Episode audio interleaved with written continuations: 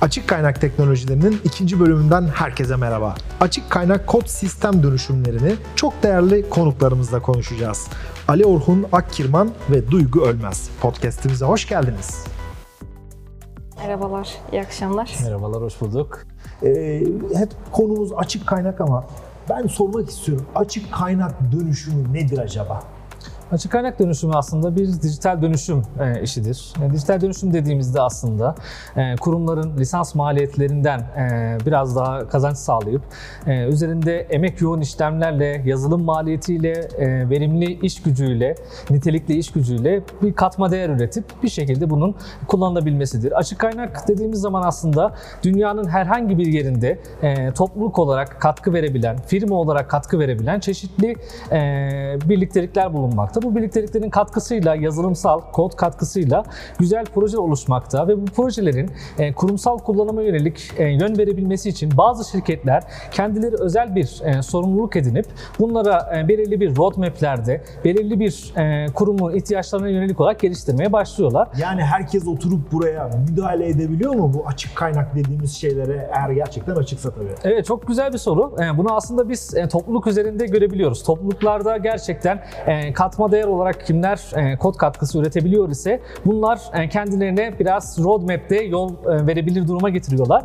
Ve bu kodlar tabii ki daha öncesinde yani uygulamayı geliştiren kişiler tarafından onaylanıyor. Belirli bir onay mekanizması İşte bulunuyor. orada benim belki sormak istediğim kim regüle ediyor bunu? Birisi şey yapıyor Aslında mu? herkes yani tüketicilikten üreti- üreticiliğe dönüş oluyor orada. Yani herkes katkı sağlayabiliyor. Yani lisedeki bir öğrenciden tutun da Lisedeki bir öğrenci. Tabii ki de lisedeki öğrenciden tutun da profesyonel anlamda bunları destekleyecek yani çalışanlara, personellere kadar herkes katkıda bulunuyor aslında.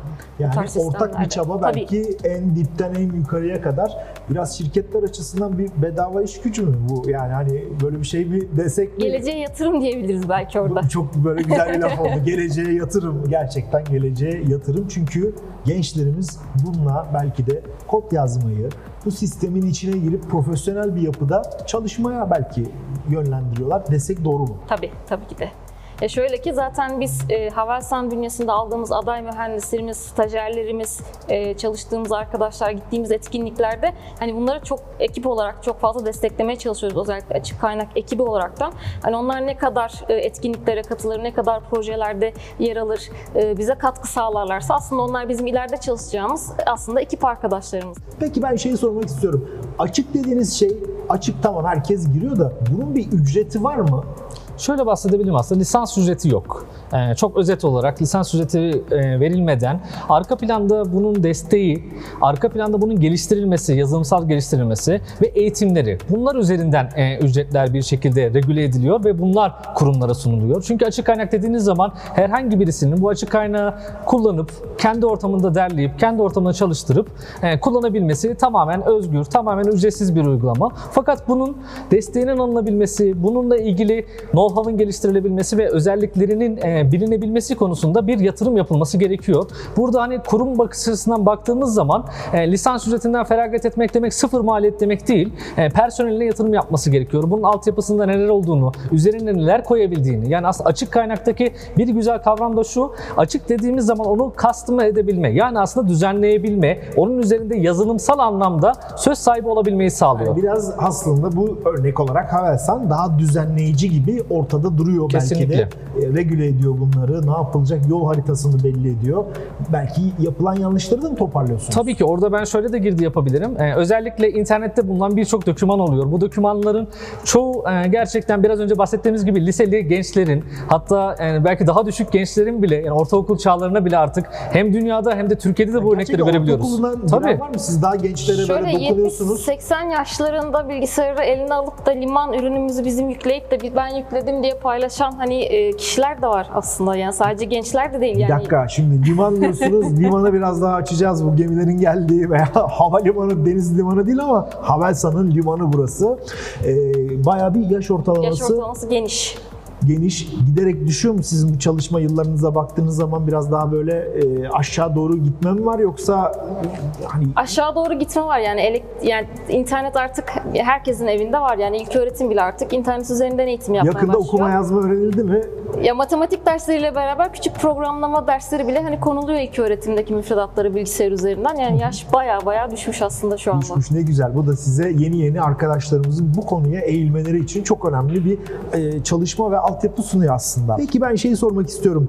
Yerli yazılım, işte yerli, milli, savunma sanayi e, bazında çok ön plana koyuyoruz biz bunları. Yerli yazılım durumunda nasıl böyle bir Türkiye bir genel değerlendirebilir misiniz? Şöyle diyebilirim aslında. e, Bazı eksiklerimiz tabii ki var. E, Özellikle yabancı ürünlerin muadillerinde yerli yazılım geliştirmesi konusunda özellikle bizim kendi referans aldığımız nokta açık kaynak kodlu yazılımlar üzerinden yerli yazılım katma değerini üreterek gerçekten neler yapılabiliyorsa, neler eksikse, ülkemizin ihtiyaçı ne durumdaysa bu alanlarda yatırımlar yapılmaya başlanıyor ve bu alanda zaten mühendis gücümüz yetiştiriliyor, yönlendiriliyor ve e, kullanıma sunuluyor diyebilirim. Yani gelişmekte olduğunu söyleyebilirim yerli yazılımın. Gerçekten de katma değerinin e, düşük seviyelerden yükselmeye başladığını da söyleyebilirim. E, burada gerçekten de hani e, şeyin de etkisi var. E, dolar kurunun yükselmesi, buna benzer e, yazılımcılarla ilgili e, çeşitli durumlar. Bunların önüne geçebilmek için de yerli yazılımlarla e, yüksek lisans maliyetleri düşürüp yerli yazılım geliştirerek bunların kullanımının artırılması, genişletilmesi bunlar gerçekten de e, önemli olarak e, önemli bir payda oluşturuyor. Şimdi tabii videonun başında biz liman aşağı liman yukarı havalimanı mı deniz limanı mı derken liman nedir? İsterseniz şöyle bir sunumumuza da mı geçsek bu liman konusunu hocam bir nedir sizden bir dinleyelim. Evet, öncelikle aslında Liman bir merkez yönetim sistemi. Ee, bu merkez yönetim sistemi açık kaynak kodlu olarak e, çekirdek versiyonu duyurulan. Neden liman ismini verdiniz? Şöyle aslında Linux Manager yani aslında biz e, Linux üzerine e, belirli bir e, şeyleri yapmaya başladık ve Linux Linux'ları üzerinden- yönetebilmek için e, böyle bir isim verme gereği duyduk. Tabii bir de denizcilik terimleri aslında Linux dünyasında biraz fazla var.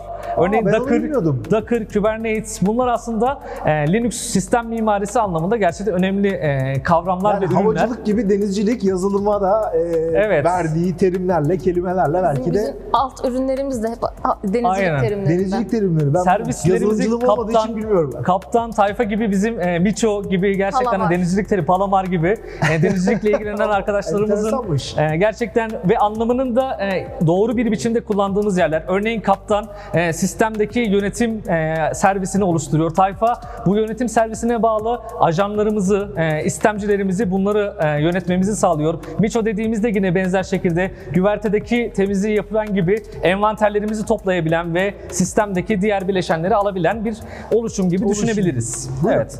E, liman dediğimiz sistem aslında yine ara ara linklerini paylaştığımız gibi ve yarışmamıza da e, refer edebileceğimiz gibi eklentilerden oluşuyor. Eklenti tarafında bizim kurumsal anlamda bir kurumun ihtiyacı olan kurumsal dönüşümde, açık kaynak dönüşümde e, ihtiyacı olan bazı şeyler var. Örneğin dizin yönetimi gibi. Nedir mesela dizi yönetimi? Böyle kısa kısa Tabii ki, söylersek- tabii ki. Dizin yönetimi aslında bir kurumun bilgisayarlarını, kullanıcılarını, kullanıcı gruplarını içerisinde barındıran ve merkezi bir biçimde bunların yönetimini sağlayan bir altyapı diyebiliriz. Genellikle biraz önce bahsettiğimiz gibi lisanslı uygulamalarla, lisanslı yazılımlarla bunlar kurumsal anlamda daha fazla kullanılıyor. Fakat bunların açık kaynak muadilleri bulunmakta. Bunlar biraz önce bahsettiğimiz gibi desteğinin bulunamaması, destek tarafında kime gidileceğinin belli Personel olmamasından dolayı olmaması. personelin Personel eğitimi, evet. Kesinlikle nitelikli olmaması bunlar da gerçekten eee, şey olarak açık kaynak tarafta bu tarz bir eksiklik oluyor. Bunlar bazı ülkelerde daha öncül oluyor. Yani bunlar belki şey olarak yani kategorize de edilebilir ama bazı ülkeler açık kaynak tarafta dizinin yönetiminde daha üstün.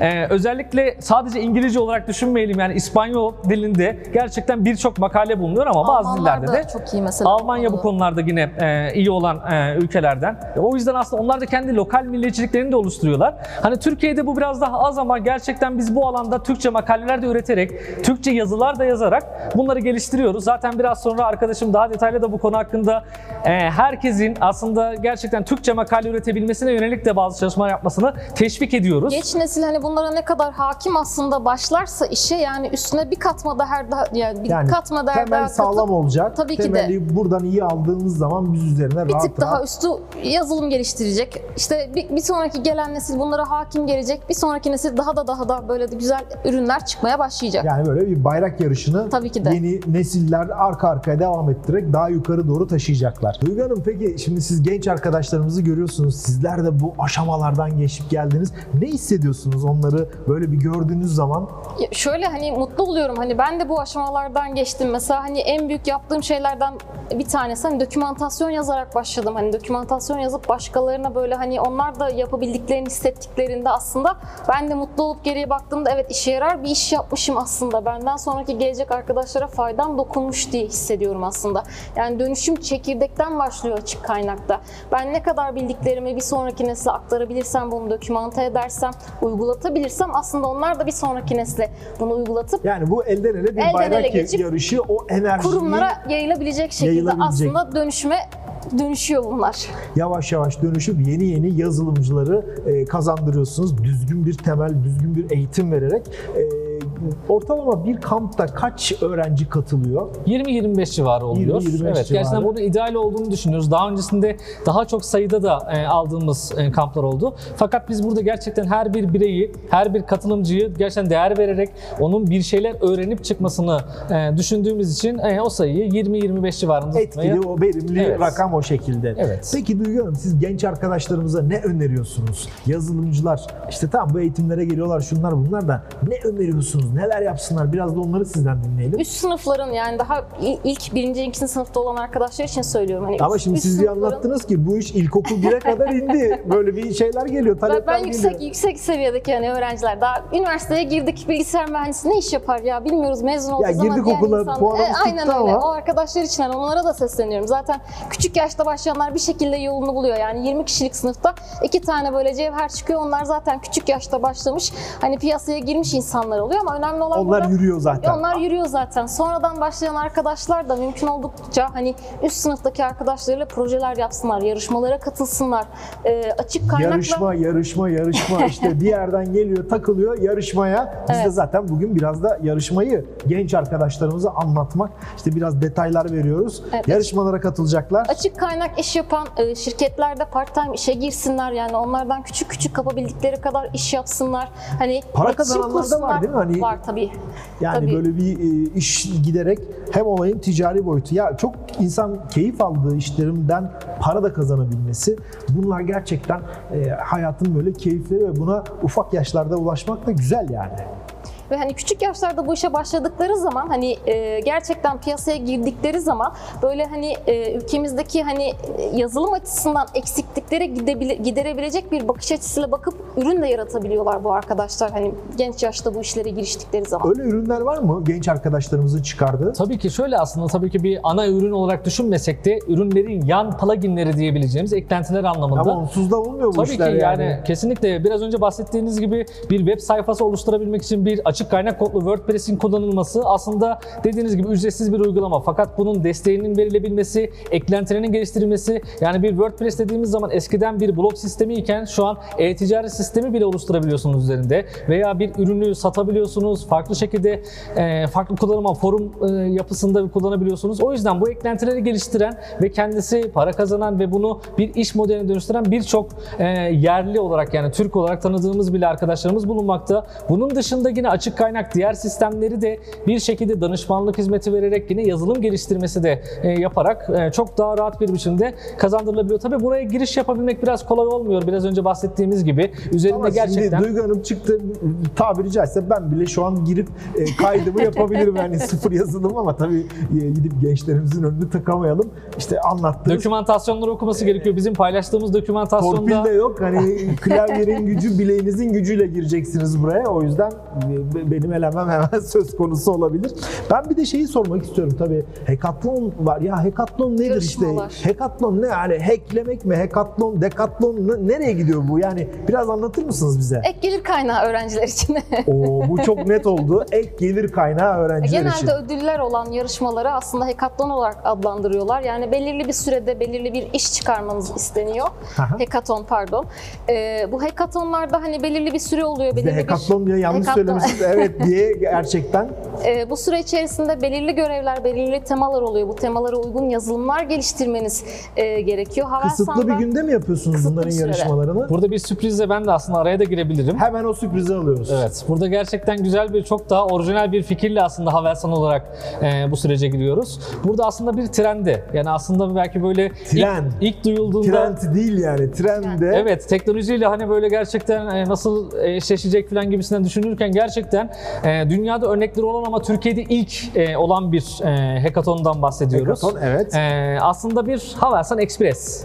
E, buna böyle de diyebiliriz. yazılım treni De- desek diyebiliriz. e, tabii, tabii, tabii. herhalde bu Ankara'dan kalkar gibime geliyor. E, onlara o kadar girmiyoruz şu an için. E, ne zaman olacak bu galiba 15 Mayıs gibi bir Evet, şeyler on- benim aklımda kalmış 15 ama. Mayıs'da olacak ve burada aslında şöyle bir şey olacak. Yani gerçekten 3 ana başlık gibi düşünebiliriz. Birincisi e, belirli bir yol verilerinin analiti, ver- veri analitiğinin işlenmesi. Yine biraz önce bahsettiğimiz gibi liman, e, limanın eklenti geliştirilmesiyle çok daha e, detaylı bir e, eklenti geliştirme etkinliği olacak. Eğitimlerimiz olacak. Bu süreçte e, trenin içerisinde eğitimlerimizi vereceğiz. E, öğrencilerle, katılımcılarla çeşitli etkinlikler yapacağız. Bunların üzerinden gerçekten onlardan bir katma değerli Tren ürün yoluna devam edecek ama içeride yazılımcılar, genç arkadaşlarımız çalışacaklar, rekabet edecekler. Ee, ödüller de iyi oluyor bu tür yarışmalarda. Yani gelir kaynağı direkt Du- Duygu Hanım gerçekten çok şey yaptı böyle. Net bir şekilde ortaya koydu yani. Her türlü motivasyon hem yazılım gücü, birinci olmak, rekabet etmek. Gruplar halinde mi yoksa birey olarak mı Evet, katılıyor? gruplar halinde katılıyorlar. Kaçar kişilik mesela? Şu gruplar? ikişer kişilik gruplar e, aslında gerçekten grup oluşturabildikleri e, herhangi bir durumda zaten hani bizim için e, ve yol analitiği konusunda yani aslında e, açık kaynak dünyaya GitHub hesaplarıyla kayıt oluyorlar. Başvuru formunda biraz önce bahsettiğimiz gibi bir GitHub hesabı vermeleri gerekiyor. Yine torpilli değil gerçekten de Eleyerek. bileğinin hakkıyla Eleyerek, tabii. katkı olarak neler vermişse bunları biz görerek e, seçim yapabiliyoruz. Ve orada gerçekten güzel bir sinerji ile e, gerçekten ülkemizdeki bazı problemleri e, ortaya koyarak bunlara çözüm oluşturabilmeye yönelik güzel bir e, hackathon düzenlemeyi planlıyoruz. O zaman ne diyoruz? Bu akşamki katkılarınız için çok çok teşekkür ediyorum. Açık kaynak üzerine videomuzun ikinci bölümünü bu akşam beraber yaptık. İki hafta sonra üçüncü bölüm var. Herhalde kazanan arkadaşlarımız da orada açıklarız. Kimler bakalım eğitim alacaklar, ne yapacaklar? Onları açıklarız bir sonraki programımızda. Ve tabii ki ne var? Sonrasında da hackathon var. Oraya da başvuru linkini tekrar söyleyelim. https 2 slash slash express.havelsan.com.tr adresi üzerinden giriyorlar. Evet, yazılım mühendisi Duygu Ölmez Duygu Hanım. Çok çok teşekkür ediyoruz size. Açık kaynak uygulama geliştirme takım lideri Ali Orhun Akkirvan sizlere de çok teşekkür ediyoruz. Biz teşekkür Ve ederiz. gençler sorularınızı bu iki değerli mühendisimizi yakaladıkça sormaya devam edin. Bir sonraki bölümümüzde görüşmek üzere. Herkese iyi akşamlar diliyorum. Açık kaynak kod sistem dönüşümleri durmayan bir sistem. Evet tabii biz de durmayacağız. Çok çalışacağız. Ve bir bölümünde sonuna geldik. Gelecek yayınlardan haberdar olmak için takipte kalın. Görüşmek üzere.